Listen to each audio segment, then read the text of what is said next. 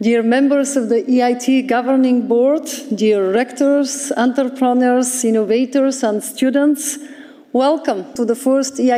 Summit. Pirmajā Eiropas Innovāciju samitā Briselē aizvadītajā nedēļā pulcējās zinātnieki, inovāciju jaunu uzņēmumi un Eiropas politikas veidotāji.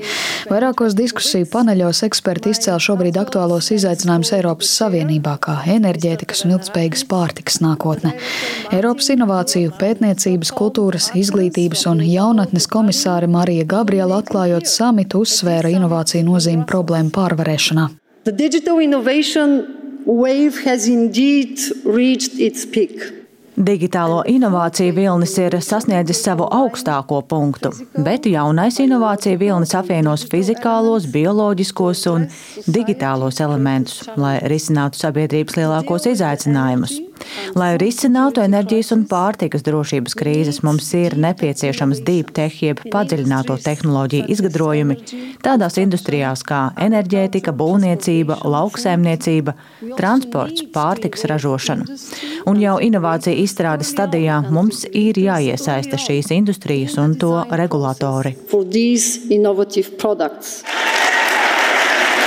Inovāciju sametā apbalvot arī izgudrotāji, kas pēdējos gados attīstījuši dažādas sabiedrībai nozīmīgas idejas, un arī balvas četrās kategorijās izvirzītie projekti lielākoties saistīti ar atjaunojamās enerģijas risinājumiem, kā arī inovācijas enerģijas taupīšanā vai emisiju samazināšanā. Nominantu vidū arī jaunu uzņēmuma Pure City patentētais risinājums jaunu un esošu ēku pārveidei par liela mēroga oglekļa uztveršanas un gaisa attīrīšanas sistēmām. Vairāk stāsta projektu pārstāvjiem pārstāvis Morteza Gorbani Etekars no Dānijas. So Tātad šis ir tas process. Šie ir īpaši fasādes paneļi, kurus var uzstādīt pie mājas pamatiem. Šis risinājums rada dabiskās ventilācijas skursteņa efektu, jo piesārņotais gaiss tiek iesūkts paneļos, un tas iziet cauri nekaitīgam ķīmiskam procesam, kas aiztur CO2 un arī attīra gaisu. Pēc tam caur gaisa kondicionēšanas sistēmu tīrais gaiss nonāk ēkas iekšienē. Savukārt apakšā mēs uzkrājam šo piesārņojumu, kas vēl iziet citu procesu un rezultātā ražo ogliskābo gāzi un ūdeņradi, kas abi ir tirgū pārdodami materiāli. Vienai daudzstāvu ēkai mēs varam vienkārši uzstādīt ap 50 šādus paneļus, kas var notvert un attīrīt ap 400 tonnas CO2 gadā. Un vienlaikus ar šo risinājumu mēs varam ietaupīt gaisa kondicionēšanas sistēmu patērēto enerģiju 30 līdz 40% apmērā. Gaisa attīrīšanas inovācijas radītājs gan secina, ka pret jauniem risinājumiem dalībvalstīs vienmēr ir novērojama atturība, kas kavē ideju testēšanu.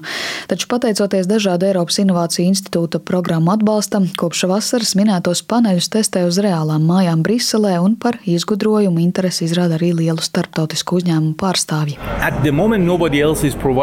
Šobrīd neviens cits šādu risinājumu nepiedāvā, bet, ja tā notiks, mēs arī būsim ieguvēji. Mēs pie šī strādājam ļoti smagi, diennakts režīmā, un veltam tam savu dzīvi šobrīd. Bet, ja ir vēl kāds, kas darīs ko līdzīgi, kāpēc ne? Jo tirgus šim ir ļoti liels un tas ir tukšs.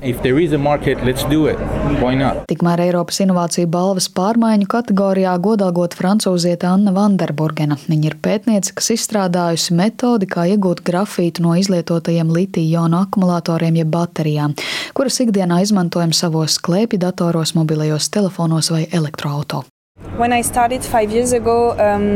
Kad es sāku pirms pieciem gadiem strādāt pie šīs idejas, tad cilvēkiem bateriju pārstrādes jomā interesēja tikai metāli, kā kobalts, niķelis, jo tieši no tā var iegūt naudu, un es sapratu, ka grafīts netiek pārstrādāts.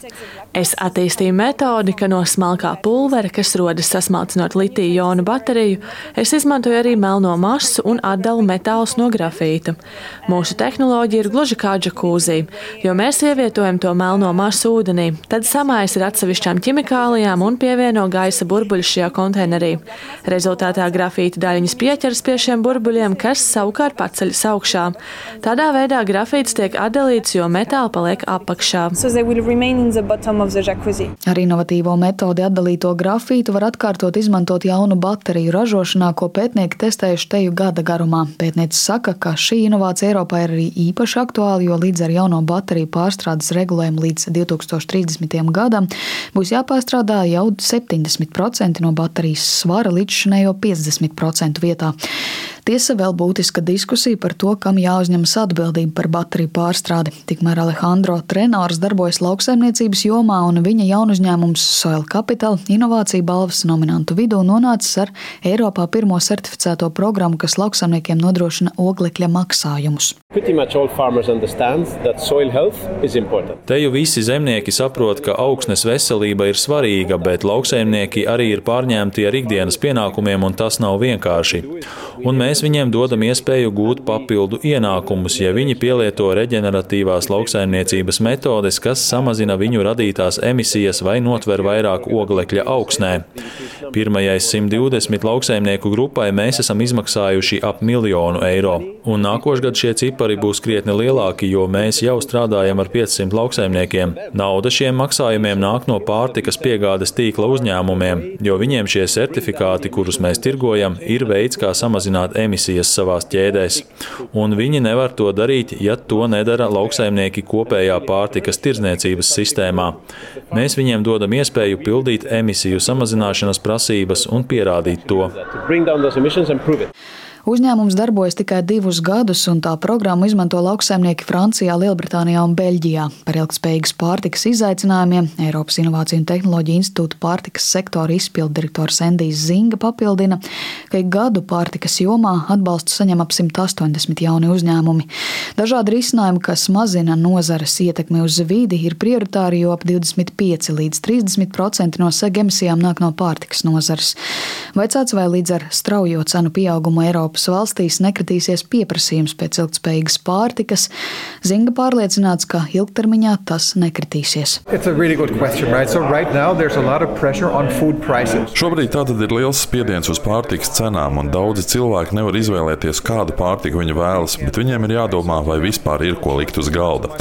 Taču, manuprāt, ilgspējīgi audzētas pārtikas cenām ir arī jāpietuvinās pārējās pārtikas cenām, un to var panākt, ja arvien vairāk saimniecības īstenos ilgspējīgas lauksaimniecības lauksaimniecības praksi. Tāpat ilgspējīgas pārtiks pieejamību var veicināt ar subsīdijām. Ja mēs vēlamies izdzīvot uz šīs planētas, tad mums ir jādara kaut kas, lai pārtikas sistēmu padarītu ilgspējīgāku. Un tas ir kādā periodā paaugstinās pārtikas cenas, bet mums ir jāatrod veidi, kā atbalstīt cilvēkus ar zemākiem ienākumiem, lai viņi to varētu atļauties. Tā ir šī dilemma ap īstermiņa un ilgtermiņa izdzīvošanas risinājumiem. Savukārt, lai arī izsinātu speciāli atbalstu trūkumu Eiropas Innovāciju un Tehnoloģiju institūts samita laikā atklāja arī jaunu iniciatīvu, kuras ietvaros nākamajos trīs gados plānots apmācīt vienu miljonu cilvēku padziļināto tehnoloģiju jomās. No dažādiem fondiem sākotnēji tam paredzēts finansējums ap 25 miljonu eiro apmērā. Sinti Ambote, Latvijas radio.